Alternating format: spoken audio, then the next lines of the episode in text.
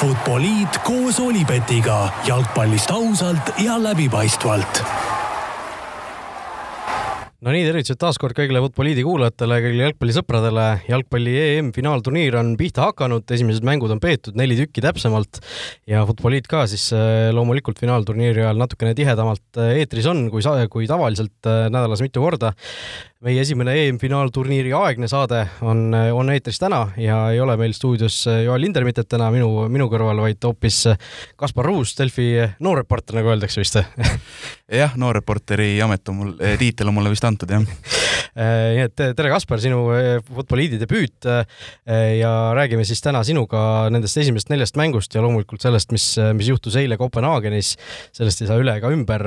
ja, ja vaatame siis, vaatame siis üle ka teised mängud ja lõpuks lõpetuseks, lõpetuseks selle, mis meid siin lähipäevil ees ootab, nii et äh, mis seal ikka, hakkame kuskilt pihta kas teadsid, et Olipet pakub parimat mitmikpanuste diili Eestis?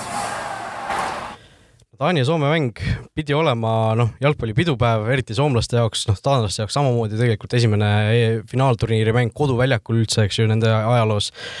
äh, aga no sai see ikka väga sünge pöörde, Kristjan Erikson esimese poole lõpus kukkus kokku, elustati teda platsil, viidi ära, täielik teadmatus valitses. no Kaspar, kirjelda enda emotsioone natukene, kui sa seda mängu vaatasid,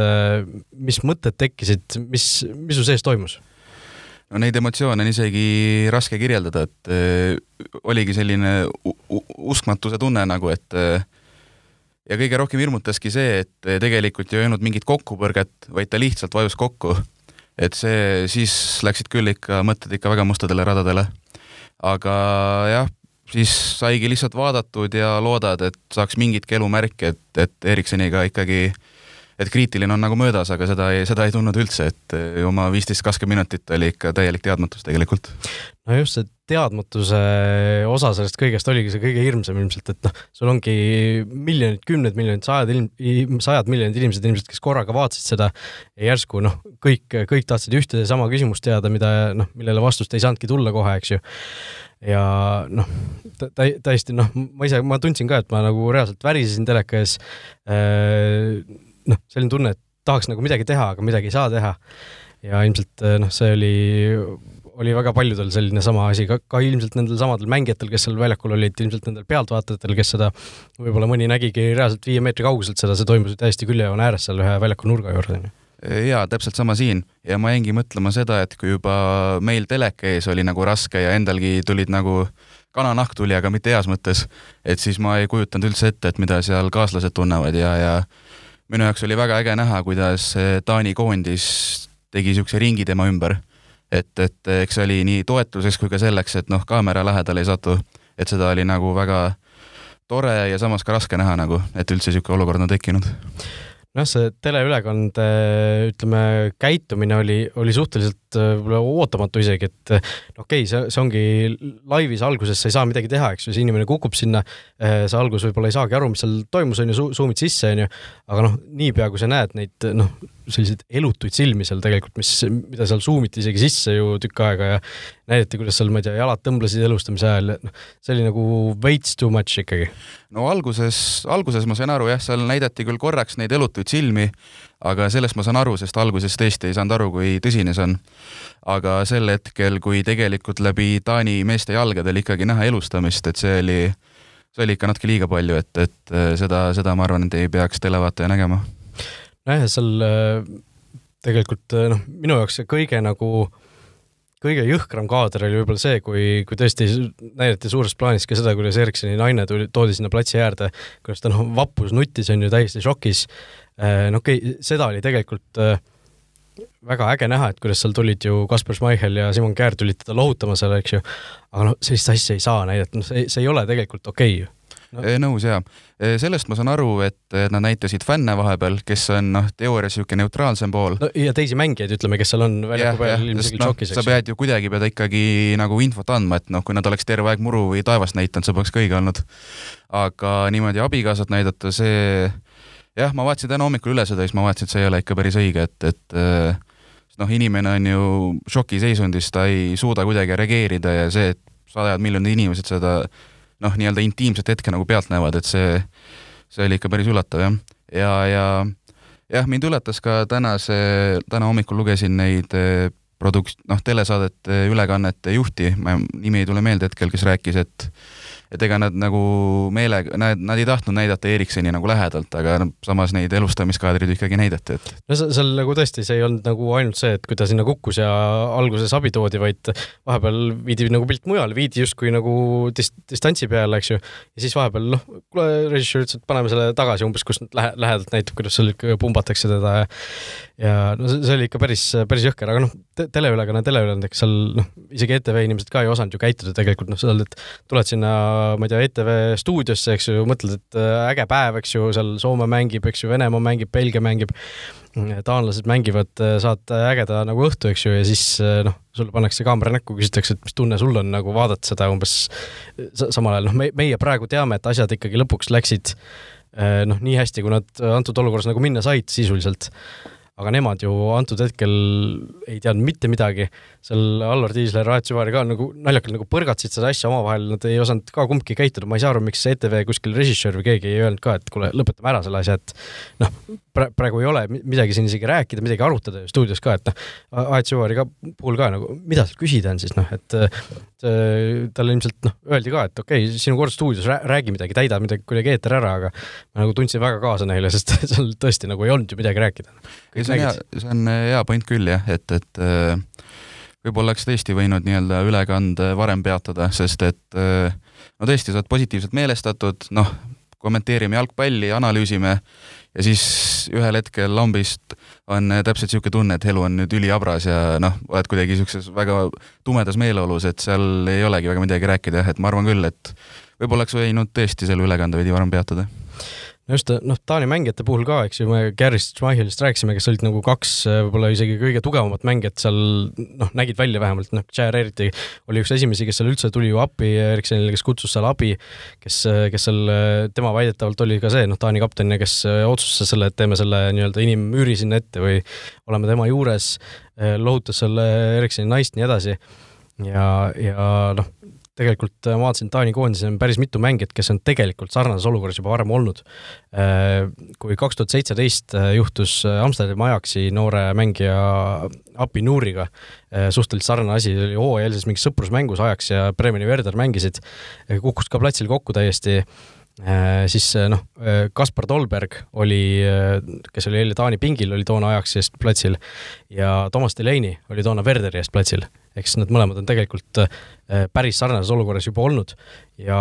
noh, arvestades seda, et Nuuriga juhtus küll niimoodi, et ta jäi küll ellu, aga seal ikkagi see abi jõudis noh, abi jõudis vist küll kiiresti, aga see ei olnud piisavalt professionaalne või seda ei tehtud väga hästi. niimoodi, et ikkagi Nuuril on eluks ajaks ajukahjustus, ta noh, ikkagi äh, minu teada on ikkagi elu lõpuni põhimõtteliselt voodihaige. et noh, no nad ka teadsid seda tausta, kui, mis, mis seal võis, mis, mis sellises olukorras võib juhtuda, eks ju. kus abi kiiresti ei tule, jumal tänatud, et see seekord tuli, eks ju, piisavalt kiiresti. ja noh, Schmeichel ise ka, ta oli ju üks esimesi, kes siin paar aastat tagasi jõudis selle Lesteri omaniku kopteriõnnetuse sündmuskohale ja ja päris paljudel mängijatel nagu täiesti kummaline mõelda on, selline mingisugune kogemus oli justkui olemas no see on kummaline jah, ütleme, et eh, noh, tegelikult ei tahaks ju, et karjääri jooksul üldse midagi niisugust juhtuks, aga mõnel juhtub paari aastaga nagu kaks korda. et tegelikult tahakski eh, kiita ja tunnustada just eh, ütleme, koondisekaaslasi, Ericssoni omi, kohtunikku ja meedikuid, sest tegelikult ju kohtunik ju umbes viie sekundiga oli nagu juba meedikud jooksid väljakule, et see, see võis ka Ericssoni elu päästa mm no me, tulles tagasi veel korra selle abikaasa näitamise juurde, siis minu jaoks see, see, kui seda naist seal näidati, siis äh, minu sees ka kuidagi see asi nagu muutus äh, sellisest ma ei oskagi kirjeldada sellisest jalgpalli asjast nagu justkui täiesti personaalseks tragöödiaks, et sa nägid nagu järsku, et noh, enne nagu ei jõudnudki selle peale võib-olla mõelda, et äh, noh, sellel inimesel on lähedased, tal on kaks väikest last, eks ju, üks on küll noh, ilmselt hea, et on nii noor, et pooleaastane, et ei mäleta sellest asjast enam midagi, eks ju. teine on juba natukene, natukene suurem, nii et ilmselt saab asjadest aru, aga aga noh, see, see kuidagi muutis selle asja nagu täiesti teistsuguseks ja ja, ja tekitas, tekitas nagu teistsugused tunded sisse, aga aga noh, kui siin seda API Noori asja juba sisse sai toodud, siis tegelikult see Ericssoni juhtum ei olnud ju isegi jalgpalli suurturniiride ajaloos esimene, kui selline kokkukukkumine on, kui kaks tuhat kolm oli see Kameruni mängija Mark-Vivian Foe, kes, kes konföderatsioonide karikaturniiri poolfinaalis platsi peal kukkus kokku, kukkus kokku ja suri ka. ehk noh, see oli ka toon, noh, praegu tagasi mõeldes see oli ikka täiesti sünge asi, sellepärast et äh, seda mängu sunniti lõpuni mängima, eks ju, samal päeval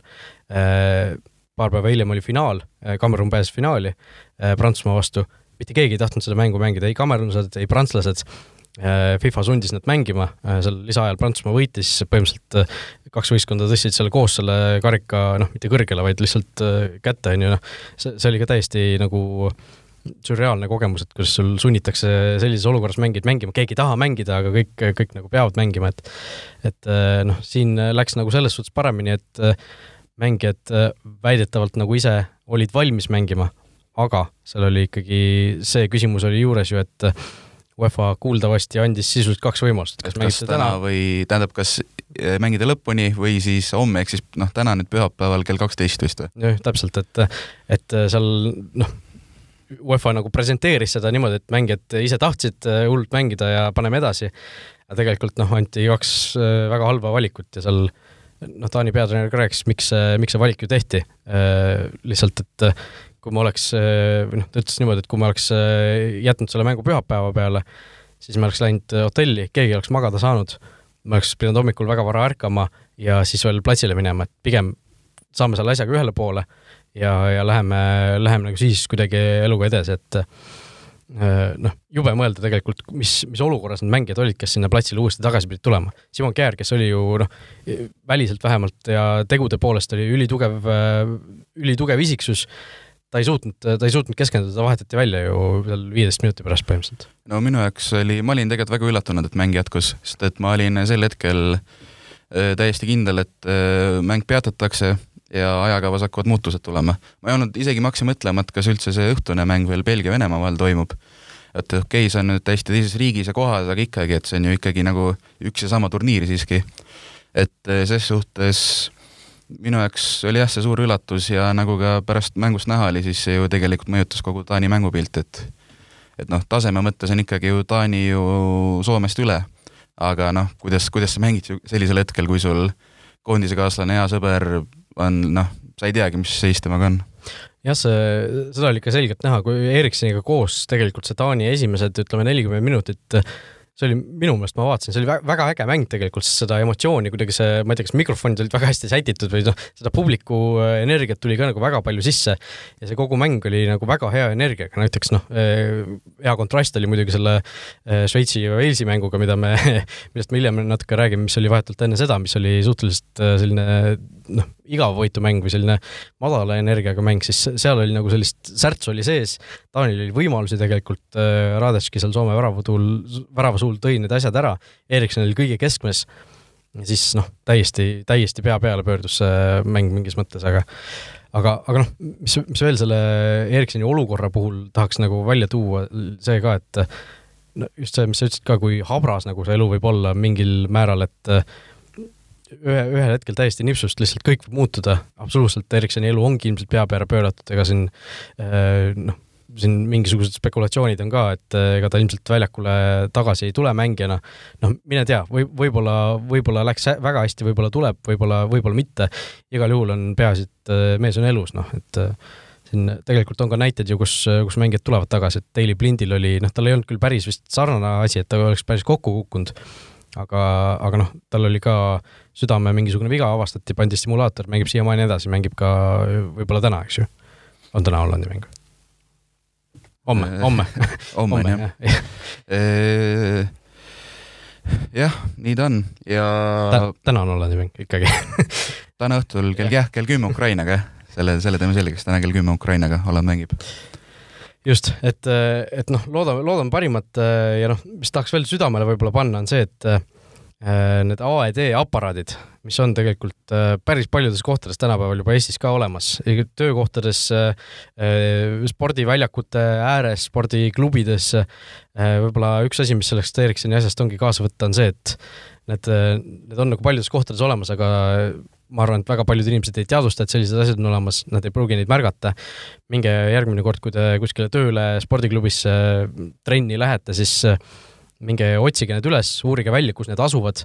Äh, need on äh, suhteliselt lihtsasti kasutatavad masinad, väidetavalt ma ise pole küll noh, õnneks pidanud kunagi kasutama,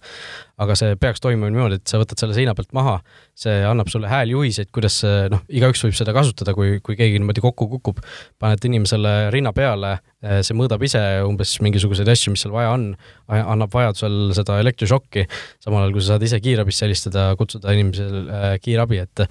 et selle kasutamisega peaks igaüks hakkama saama, kõige olulisem võib-olla ongi äh, teada, kus see on, et mitte, et sa hakkad seda alles siis otsima, kui kui, kui mingisugune õnnetus peaks juhtuma või, või alles siis äh, hakkad üldse mõtlema, kas siin on üldse midagi sellist. et, äh, et võib-olla selline kodutöö või, või asi, mida, mida siin lähipäevil tasub välja uurida, on see, kus, kas ja kuidas see, see asi toimib, et et ma ütlen veel kord, see automaatne kehaväline de-, defibrillaat-, defibrillaator siis eesti keeles, et äh, see, selle kasutamine on tegelikult mõeldud, mõeldudki selliseks, et igaüks saab sellega hakkama, lihtsalt on vaja teada, kus see on ja, ja kuidas seda enda juurde saada. et äh, kodutöö, tehke ära, inimesed vot nii, aga noh, kas selle Taani-Soome mängu kohta veel ütleme sportlikus mõttes no Soome sai võidu, seda vist pole veel maininudki, et äh, Joel Pohjanpalu väravast, no Taani oli selgelt ikkagi see teine poolaeg äh, noh, häiritud sellest kõigest, mis juhtus, soomlased ka ise olid häiritud, tundus. Pohjanpalul muidugi korra, kui ta värava lõi, tundus, et läks meelest ära see, et ei tasu tähistada, esimesed niisugune kolm-neli sammu olid ikka niisugused noh, et äh, võtad särgi seljast ära umbes ja siis, siis tuli meelde, okei okay,, okei okay,, rahune, rahune, ei ole, ei ole sobiv. no eks see on ka, noh, päeva lõpuks ta lõi ju Soome ajaloo esimese värava EM-il, et paratamatult sa ikkagi tahad tähistada, aga eks ongi selline emotsioonide virvarr, et ühest küljest jah, kui tegelikult, kui vaadata tabeliseisu, siis selles suhtes on väga huvitav, et Soomel on nüüd ikkagi kolm punkti all ja kui kuskilt veel kas või viigi kätte saab, siis miks mitte kaheksandikfinaali jõuda. nojah, et kolm punkti ise juba annavad päris hea sellise aluse sinna kuueteist sekka pürgimiseks, aga noh, Soome saldo EM-ide ajaloos on nüüd siis üks mäng, üks peallöök, üks värav ja üks võit, eks ju, et peallöögidest oli kakskümmend kolm üks lõpuks äh, Taani kasuks, et äh, no täiesti uskumatu mäng mingis mõttes. löö vähe, aga täpselt täpselt, on ju. seal muidugi enne, täpselt enne seda Pohjanpalla väravat, kui see Soome rünnak algas, siis ekraanigraafika näitas ka seda mingi peallöögid kaheksateist null umbes ja siis, siis tuligi see üks ja, ja üks värav, et aga noh, Taanist on tohutult kahju nagu sportlikus mõttes praegu rääkides, et noh, siin äh, inimlikus plaanis niikuinii, eks ju, aga sportlikus mõttes ka, no tundus just see esimene poolaeg ka, ma ütlen, kui, kui hea see energia kõik oli, kui hästi nad tegelikult mängisid, et, äh, et siit nagu võib päriselt ka midagi suurt tulla, mina ennustasin ka ühes ennustuses, äh, ennustasin nad poolfinaali lausa, eks ju, et et tundus, et kõik on justkui jube hästi tegelikult neil. ja siis noh, selline äh, nii-öelda spordiväline mingis mõttes, spordiväline asi pöörab sul ikkagi kogu turniiri täiesti pea peale ja noh, ilmselt see Pierre-Emil Höiberi penalti, mis ta eksis, oli ka ikkagi noh, sa ei ole oma täie kontsentratsiooni juures ilmselt, noh. loomulikult ja Taanil ju järgmine mäng on äh, Belgiaga ja noh, see on eh, juba kõike kõrvale jättes on väga raske vastasseis. ehk siis väga vabalt võib olla, et Taani on pärast kahte vooru nulli punkti peal ja siis siis on juba mentaalselt juba lihtsalt raske Vene, Venemaa vastu mängida. nojah, seal nagu kaks võimalust mingis mõttes, et kas sa suudad nagu ennast rohkem kokku võtta kui varem, et sa mängidki nüüd, mängime Ericssoni nimel, nüüd paneme täiega. Äh, või siis, või siis noh, laguned, mitte ei lagune täiesti ära, aga või sa ei, vaid sa ei suuda oma ja nagu sellist äh, kontsentratsiooni ja kõike kokku võtta, et äh, loodetavasti ikkagi taanlased suudavad, äh, loodetavasti Ericssoniga on kõik korras, saab, ma ei tea, isegi veel äkki turniiri jooksul tribüüni peal tulla toetama, midagi, mida iganes, et äh, loodan parimat, ootame uudiseid ja noh, sellist asja ei taha enam mitte kunagi näha platsi peal, lihtsalt see on asi, mis jääb ilmselt eluks ajaks meelde kõigile, kes, kes seda mängu vaatasid. Äh, paraku küll, jah. siin, ei olegi midagi lisada selle kohta. jah, okei okay,, aga läheme edasi siis teiste mängude juurde ka. Türgi-Itaalia meil EM-ile ju reede õhtul alguse panid kas teadsid, et Olipet toetab FCI Levadiat? Itaalia äh, alustas turniiri kolm-null võiduga äh,. võib-olla seal enne oli avatseremoonia üldse, mis, mis minu jaoks ka äh, need äh, igasugused olümpiamängude ja eriti jalgpalli MM-finaalturniiride, EM-finaalturniiride, meistrite liiga igasugused avatseremooniad on alati sellised asjad, mis nagu minu jaoks on täiesti, täiesti mõttetud. aga seekord noh, see, kui Andrea Bocelli laulab sul Nessun Tormat, see on ikkagi selline, mis ma, ma kuulsin, et selline asi oli hiljem olnud, ma alguses ei vaadanudki seda avatseremooniat, ma pärast vaatasin selle järgi veel, sellepärast et see on, see, see on nagu selline asi, mis, mida ei tasu, millest ei tasu ilma jääda, et et sellise asjaga ei saa kunagi mööda panna ja tundub, et itaallased nagu suutsid ka selle tasakaalu hoida, et see ei olnud nagu liiga selline tsirkus või mingisugune super suur, suur, suursugune mingisugune avatseremoonia, mis tegelikult kedagi ei huvita, kõik tahavad mängu näha juba, on ju. et see selline üks laul tundus, oli päris nagu sobiv või sihuke efektne. jaa, ma olen sellega nõus, minu jaoks ka need avatseremooniad kipuvad alati liiga pikaks minema ja, ja kuidagi kaob nagu fookus tegelikult isegi ära juba spordilt, aga eh, reedese mängu eelne oli selline mõnus, ütleme maitsekas ja ei olnud ka liiga pikk, niisugune kompaktne ja, ja võimas. aga noh, mängust endast äh no Itaalia ikkagi tegi päris võimsa jõudemonstratsiooni, võib vist niimoodi öelda, noh, siin äh, turniiri eelses saates äh, rääkisime ka, et Itaalia võiks olla üks selliseid äh, soosikuid, kellest nagu väga palju ei räägita, aga kes võiks vabalt lõpuni välja minna ja noh, selles mängus ikkagi näitasid nad ennast väga heast küljest, aga kas siin oli pigem see, et Itaalia oli hea või oli Türgi kehv? võib-olla natuke mõlemat, aga minu arust tuli Itaalia väga hea häälestatuse ja suhtumisega peale, sest et äh, noh, nagu oli juba hümne vaadates näha, kuidas itaallased panid ikkagi, noh, türklased olid ka ühtsed ja laulsid kõva häälega kaasa, aga no itaallastele polnud ikka vastast. ja minu arust tuligi, Itaalia sai kuidagi väga hea hingamisega, sai peale, nad hakkasid kohe suruma ja noh, esimesel poolel küll väravaid ei löödud, aga tegelikult oli ju enam-vähem ütleme, nelikümmend viis minutit oli ikkagi Türgi väraval noh, see Türgi, minu isegi, mulle isegi natuke rohkem isegi tundus, et Türgi oli nagu ootamatult kehv, et et see, et noh, Türgis sai ka siin enne ju räägitud kui võimalikust mingist mustast hobusest ja asjast, aga aga noh, siit küll kuskilt ei tundunud või ei paistnud, et nad võiksid kuskile väga kaugele jõuda, et võib-olla see oli, see oli ilmselt see Türgi, kes siin Lätiga kolm-kolm viigi tegi märtsis valikmängus, et mitte see Türgi, kes paar päeva varem seal Hollandit ja Norrat loputas, et et väga kummaline esitus nende poolt, et nii ütleme negatiivselt üldse mängima minna ja, ja siis noh, veel tala ka saada lõpuks, et see esimene poolek küll pe peeti nagu vastu, aga, aga see Itaalia surve oli ikkagi nii suur, et seal oli selgelt näha, et ega see lõpuni ei, lõpuni ei, ei püsi see seis null-null, et eh, noh, minu arust Türgi see kaitsemäng või noh, see Türgi mänguplaan üldse oli kuidagi väga ootamatult niisugune äh, passiivne. noh, passiivne ja selline vähe ambitsioonikas võib-olla ütleme aga, aga noh, mis seal, mis seal ikka, et eh, kohtunike otsused muidugi olid seal, mis, mis ju suure, suure luubi alla läksid, et eh, kaks väga sellist äh, kummalist otsust, oli penalt või ei olnud? no minu jaoks oli see selge penalti, ma, ma küll lugesin pärast, et, et nüüd on, vist tõlgendatakse rohkem niimoodi, et isegi kui keha on käeküljest lahti, et kui see on ikkagi nii-öelda loomulikus asendis, siis see ei ole penalti, aga noh, kordusest oli ju näha, et äh, käsi ju oli kehast lahti ja ikkagi selgelt peatas nagu palli, et minu, seda, seda otsust ma ei mõistnud. nojah, seal äh, noh, võib-olla seletame ka asja lahti, et seal tavaliselt on ju need reeglimuudatused äh, kehtivad siis kahe hooaja või noh, järgmise hooaja alguses hakkavad kehtima, ehk siis jalgpalli rahvusvaheline hooaeg lõpeb ju teadupoolest juuni lõpus, algab juuli alguses. et tavaliselt see asi on siis niimoodi, et need äh, reeglid ikkagi äh, hakkavad hiljem kehtima, siis seekord ikkagi EM-finaalturniiri ajal juba kehtivad uued, uue hooaja nii-öelda reeglitõlgendused, reeglimuudatused. käega mängu tõlgendamist on järjekordselt natukene seal sõnastust muudetud. see on ikkagi selline iga paari aasta tagune asi, et see noh, seda ei saada lihtsalt paika kuidagi, noh. mitte kuidagi ei saada paika. no ma mõtlen seda, et kus see nagu nüüd edasi läheb, et, et kui sul on käsi keha küljest lahti, see ei ole ka penalt enam, et siis varsti võib ju kaitsjad juba tõrjuma hakata ju. nojah, see sõnastus on nüüd, on nüüd niimoodi, et äh, ikkagi äh, loodetakse sellega vähem saada käega mängu eest penalteid või noh, vähem nii-öelda, et neid peaks vähem määrama ja, ja oleneb siis nüüd sellest, et kuidas kohtunik hindab, kas see käsi oli mängija asendit ja sellist teguviisi arvestades äh, eeldatavas kohas või mitte, noh, põhimõtteliselt, et kui sa väga kiiresti jooksed, siis sul käe, käed käivadki üles-alla, eks ju, kõrval või, või, või kui sa midagi nagu sellist mingit plokki lähed, siis see käsi võibki sul natuke olla kuskil kõrval või noh, antud juhul noh, mängija üritas, jala sirutas ju ette, eks ju, ja see käsi kuidagi tõusis sealt no seal oli ka see, et, et see pall tuli nagu suhteliselt lähedalt, mis oli ka ilmselt selline kergendav faktor. aga noh, seal ikkagi noh, ma ei tea, kas kohtunik oleks pidanud ise võib-olla selle varri monitori juurde minema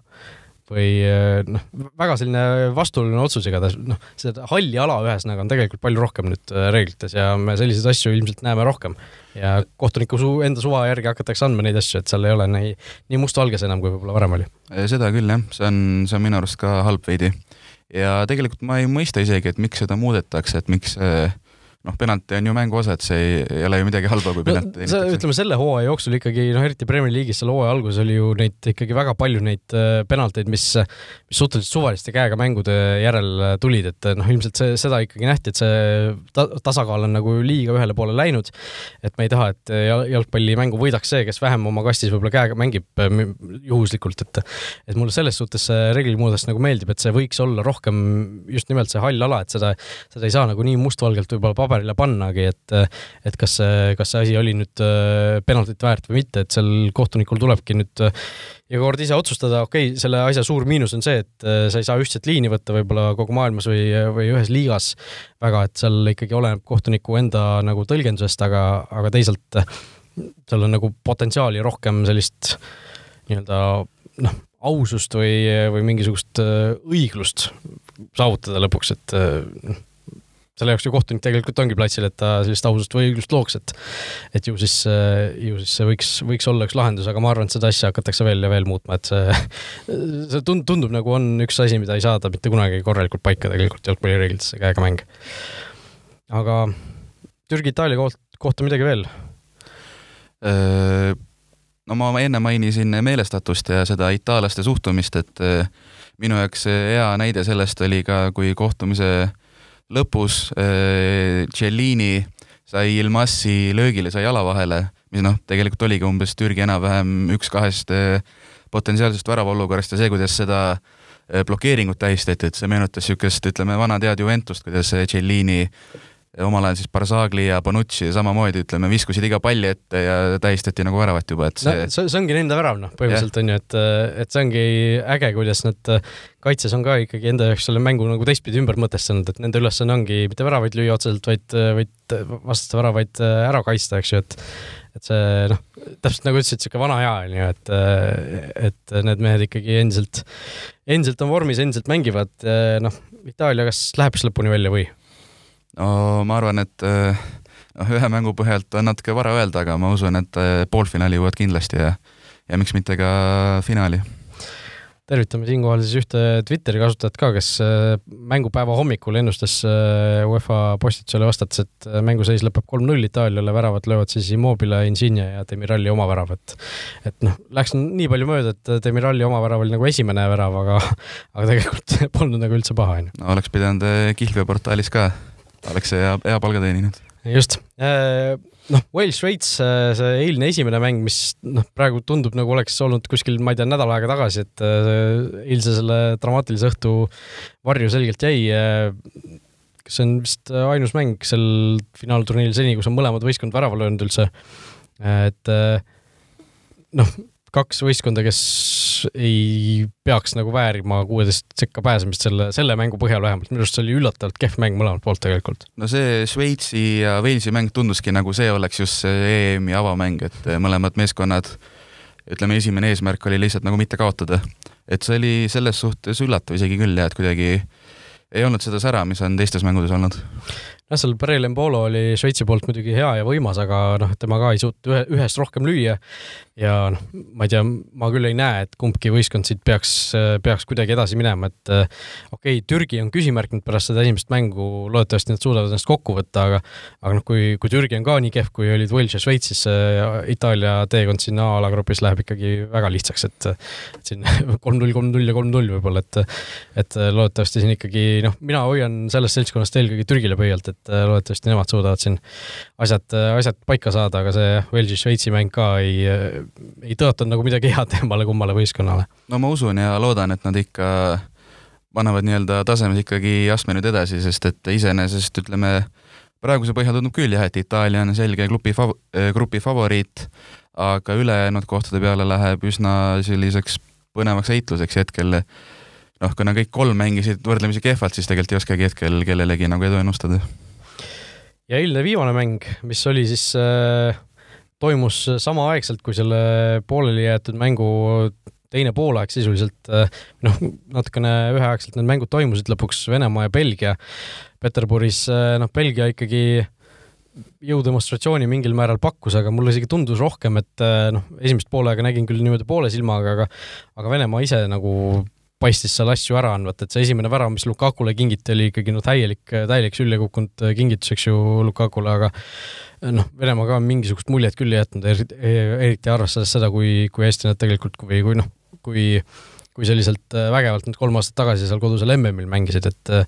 mulle küll mingisugust muljet ei jäänud siin Venemaast, et nad võiksid, äh, võiksid siin noh, okei okay,, alagrupist edasipääs võib olla siin reaalne, sellepärast et see alagrupp on noh, kui sul on Taani ja Soome on teised võistkonnad, mõlema olukord on täiesti, täiesti suur küsimärk, eks ju, siis see võib olla reaalne, aga noh, ütleme, tippkonkurentsi küll venelastel asja ei ole. no Belgia mängis eile ikkagi selgelt üle venelased et, et see kolm-null oli üsna,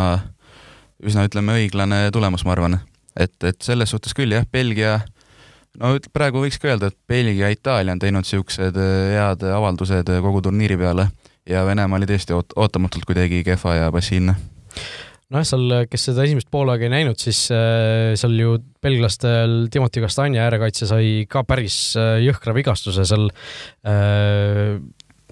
pead põrkasid kokku vastasega ja, ja viidi ta väljakult ära. praegu esimesed uudised on see, et, et silmakoopa, silmakoobas on siis noh, silmakoopaluu, ma ei teagi, kuidas seda nimetatakse, see on katki ja noh, vähemalt kuus nädalat on audiseks, tema jaoks mm või EM on läbi. ja Taler Kuzjajev, kes seal ka ju vahetati vist välja selle peale, et tema oli see, kes seal teiselt poolt oma pea vastu pani, et päris, päris kõva kokkupõrge seal oli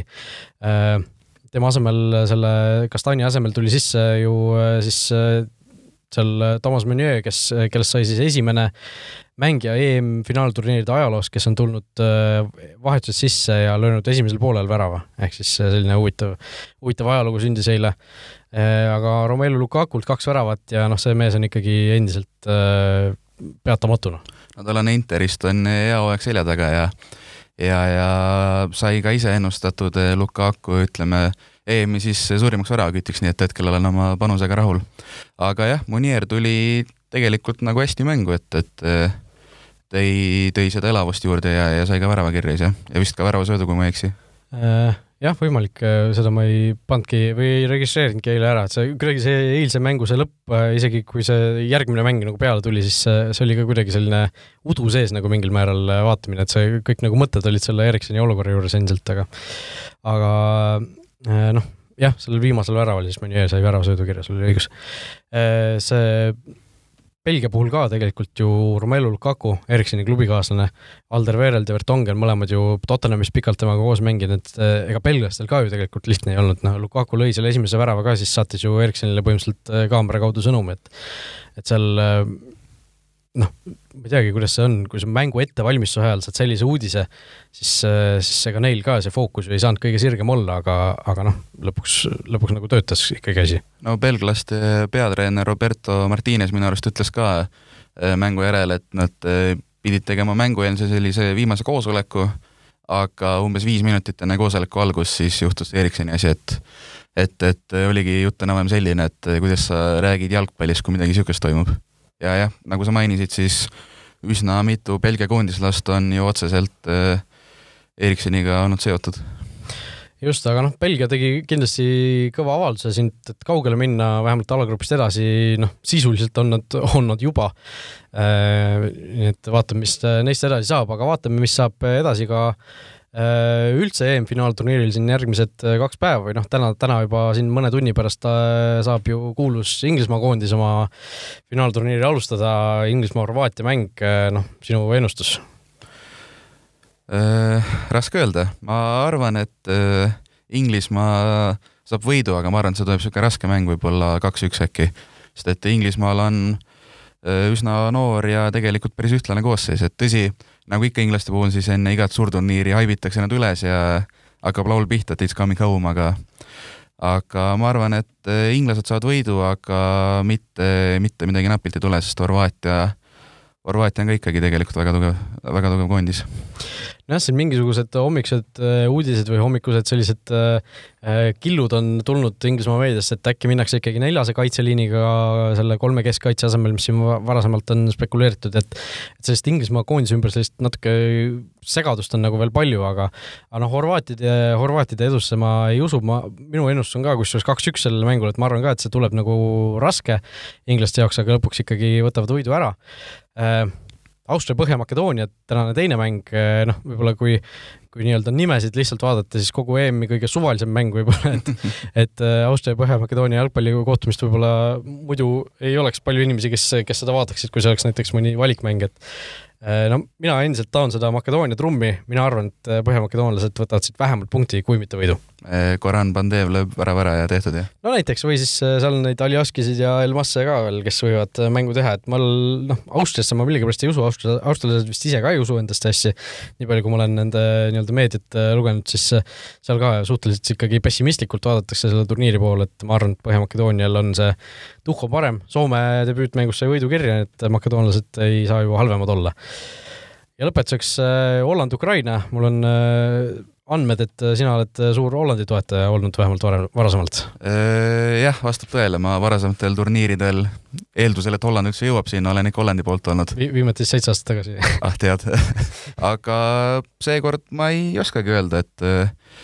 mu, ütleme, selliseid lemmik Hollandi mängijaid seekord nagu ei ole koosseisus, et ma olen küll, loodan, et neil läheb hästi, aga samas ei ole ka, et ainult nende poolt, et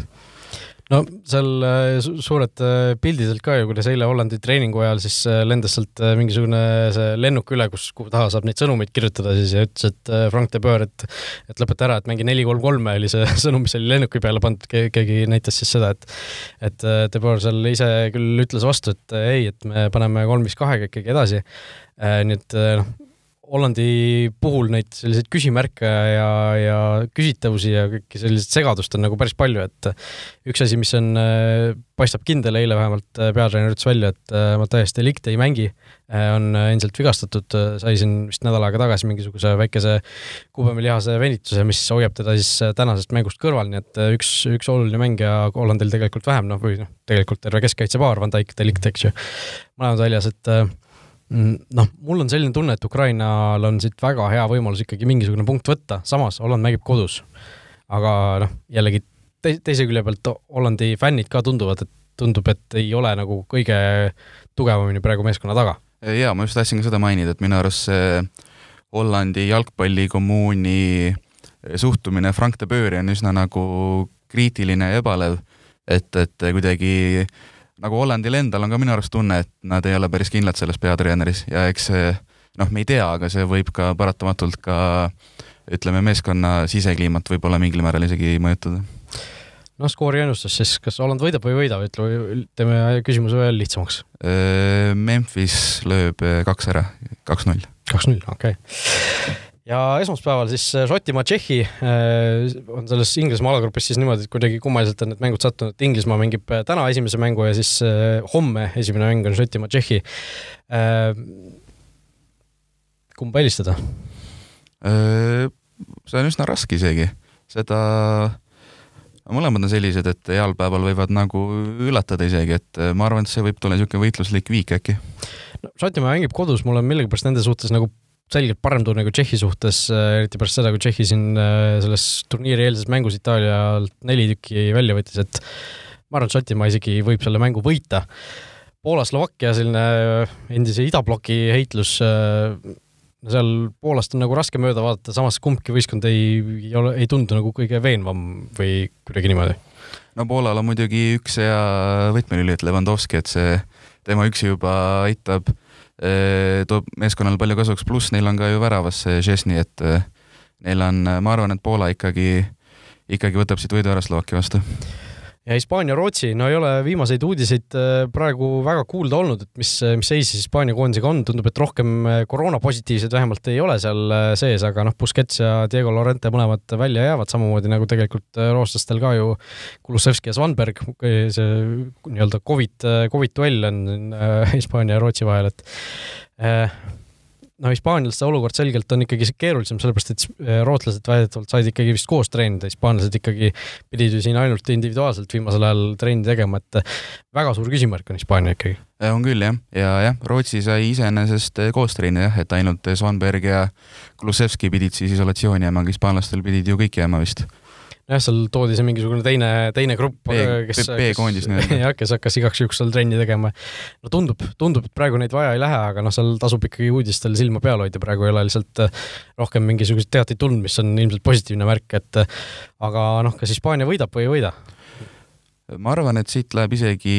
Rootsile niisugune, ütleme, üks-null äkki, sest et Hispaania kohal on äh, no tõesti, selle, ütleme selle suurturniiri eel ei ole küll seda tunnet, Hispaania on nüüd see suur jõud, kellega kõik peavad arvestama, et kuidagi,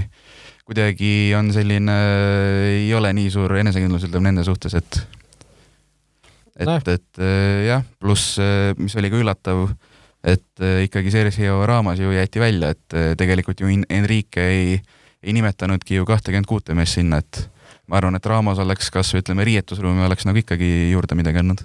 ja ma ise ka imestasin ikka väga tõsiselt selle üle ja noh, seda enam, et sul nüüd äh, nagu saatuse irooniline tuli see mingi koroonapuhang ka, mis, mis oleks, mille puhul oleks see kakskümmend kuus mängijat ikka igal juhul kasulikum olnud kui kakskümmend neli. Äh, aga mul on ka Rootsi suhtes hea tunne ja ma arvan, et seal Isak lööb äh, ühe ära, kes on Hispaanias mänginud, Hispaania jalgpalli teab ju väga hästi ja ja ma arvan, et üks-üks on see variant, aga noh, Rootsi mängib alati millegipärast neid alagrupi turniire suurturniiridel hästi, nii et ma arvan, et nad jah ei kaota seda mängu, ütleme nii, Rootsi ei kaota seda mängu. Äh, aga mis sa arvad muidu, kas see on, ütleme, Rootsile kasuks või kahjuks, et Ibrahimovic välja jäi? ma arvan, et otseselt kasuks ei ole, aga, aga ta ei ole ka väga suur kahju, et seal noh, see on, see on nagu üks käik juures rünnakul oleks ta olnud, äh, mida kasutada, et et noh, me oleme viimastel aastatel näinud tegelikult Rootsi mängib sellist pigem äh, pigem ikkagi liikuvat äh, ründemängu, kus, kus sellisel ründajal võib-olla nii suurt äh, kohta ei saaks olla, aga noh, temaga koos äh, ilmselgelt see mänguplaan natukene võib muutuda ka ja noh, ma arvan, et see, sellest ei ole nagu väga hullu, et Rootsi eelmisel MM-il ka ju jõudis siin veerandfinaali välja, et ma arvan, see, see ei ole nagu liiga suur kaotus või nii suur kaotus, kui see võib-olla pealtnäha võib tunduda. nojah, Rootsi puhul on ju räägitud ka, et nad tegelikult mängivad äh, võib-olla isegi siis võib-olla isegi meeskondlikumalt ja, ja ei ole võib-olla ründel nii krampis, et ainult Zlatanile äh, palli anda. ja noh, seda enam, et see Isak on tegelikult ju väga hästi esile tõusnud nüüd, äh, väga noor poiss ka, nii et äh, andke talle võtmed kätte ja, ja sõidame. absoluutselt. vot nii, aitäh sulle, Kaspar, et tulid siia seda noh, rasket äh, saadet tegelikult tegema ei ole, ei olnud äh, meil ka lihtne kindlasti siin selleks saateks valmistuda või mõelda, kuidas sellest rääkida, mida sellest rääkida, et et, äh, et aitäh, et sa võtsid nii-öelda väljakutse vastu, vastu ja, ja aitäh kutsumast ja jah, ütleme debüüdil ei olnud just kõige lihtsam teema, millega alustada. just, et nagu, nagu Martti Pähn eile, kes tegi ka ju EM-finaalturniiri debüüdi kommentaatorina, siis sai sellise mängu, onju. et jah, oleme siis tagasi juba uuel nädalal mingil hetkel, veel ei julge täpselt kuupäeva välja lubada, lubada, aga uue saatega siis eh, juba mõne päeva pärast kindlasti tagasi oleme. Eh, nii et kõigile aitäh kuulamast ja kohtume juba eh, siis, kui natukene rohkem mänge on EM-il mängitud ja suurem pilt on ees. kõike head! vutiviikendi parimad kohvid leiad Olipetist